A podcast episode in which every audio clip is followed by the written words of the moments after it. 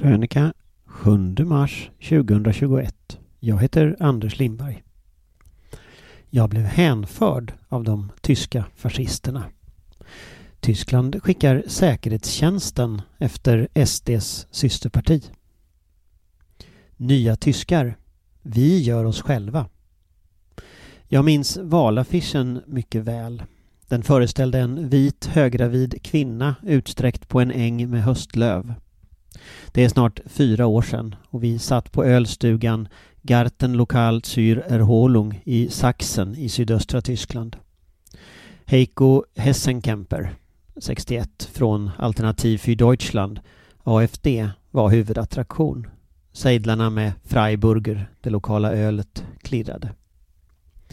Ausplundrung und Auslöschung, sa Heido Heiko Hessenkemper.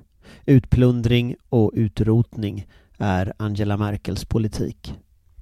Utplundring för att hon vill skicka tyskarnas surt förvärvade pengar till Grekland. Utrotning för att hon tänker ersätta det tyska folket med nya tyskar, muslimer från Syrien. En av de unga välklippta männen bar en gul Yakuza-tröja, ett märke populärt bland tyska nynazister. Ingen i ölstugan reagerade. Heiko Hessenkemper blev 2017 vald till förbundsdagen, den tyska riksdagen. Han tillhör högerfalangen i AFD, vilket var ganska uppenbart när jag följde honom genom de små byarna utanför Dresden under förra tyska valrörelsen. Ölet växlade, men överallt samma kortklippta unga män, samma känsla av gemyt och samma gemenskap. Det var lätt att skratta med. Och trots min skoltyska försökte folk lyssna tålmodigt. Sverige? Jaha, prinsessan Madeleine? När jag kom tillbaka tyckte min redaktör att jag hade framställt AFD i för positiv dager. Jag hade åkt på någon slags Stockholmssyndrom. Som när kidnappade personer börjar sympatisera med sina kidnappare, tyckte hon. Reportaget fick skrivas om. Hon hade en poäng. Jag hade fastnat för skärmiga detaljer. Kandidatens hängslen, kakorna, intresset för den svenska kungafamiljen, idealismen och de pittoreska små byarna istället för den mörka skugga som vilade över landskapet. Jag hade försökt förstå för mycket, blivit hänförd och kommit lite för nära. Det är ju därför man har en redaktör. Det var en nyttig läxa. I veckan beslutade det tyska författningsskyddet, Bundesamt für Verfassungsschutz, att sätta AFD under övervakning. Det har blivit så extrema att de hotar demokratin.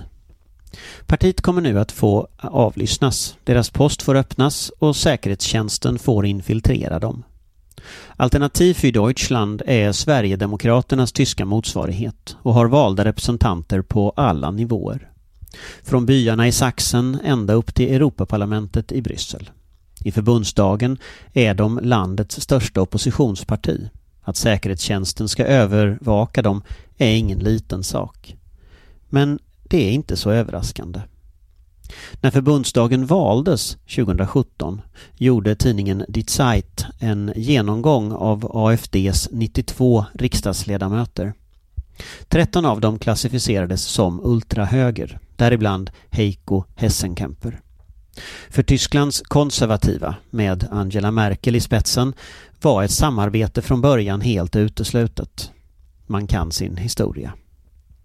AFD har i flera år även haft en organiserad extremistfalang kallad Der Flygel under ledning av bland andra den illustre Björn Höcke.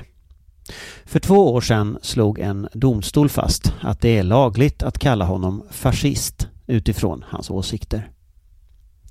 Jimmy Åkesson sa vid förra valet att det finns beröringspunkter mellan SD och AFD och lyfte bland annat fram partiets kritik mot EU. Der Flygel upplöstes formellt 2020 efter att säkerhetstjänsten sett falangen under överbevakning. Men medlemmarna blev kvar i AFD.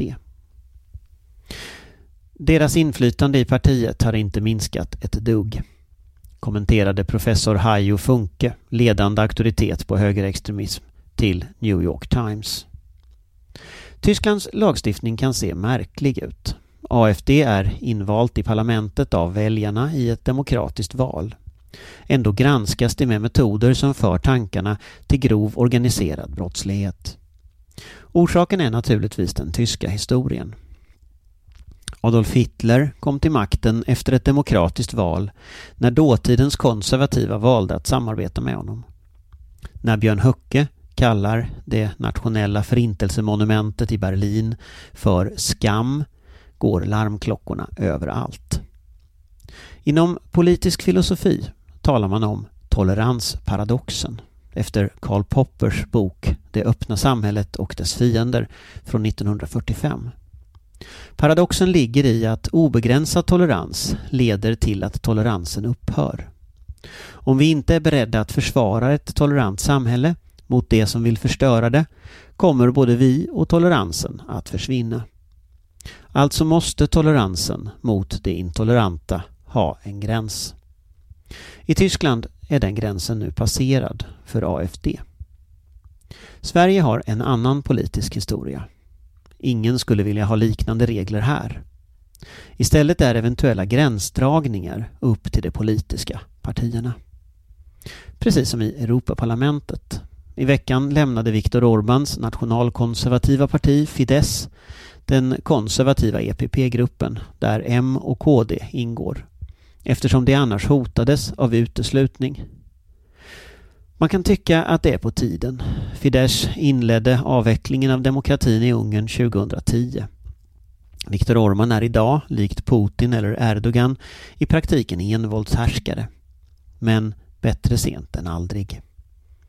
Det blir dock lite av ödets ironi att man ser att medan konservativa partier i Europa försöker markera avstånd till extremhögern vill Moderaterna i Sverige samtidigt bilda regering med stöd av Sverigedemokraterna.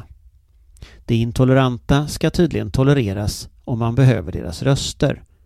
Så mycket för Karl Popper. Även Moderaterna verkar ha drabbats av ett Stockholmssyndrom. Deras vilja till makt är så stark att de inte ser vad som finns rakt framför näsan på dem. Men tyvärr kan ingen redaktör be dem skriva om. Precis som AFD har Sverigedemokraterna radikaliserats på senare år. Det var Björn Söder, inte Björn Höcke, som sa att judar inte är svenskar. Det är Jimmy Åkesson som i höstas hyllade de högerextrema hatsajterna och nu kallar svenskar med rötter utomlands kulturell belastning. Den stora skillnaden går inte mellan AFD och SD utan mellan Angela Merkel och Ulf Kristersson. Dagens konservativa i Tyskland är nämligen inte naiva. Du har lyssnat på en podcast från Aftonbladet. Ansvarig utgivare är Lena K Samuelsson.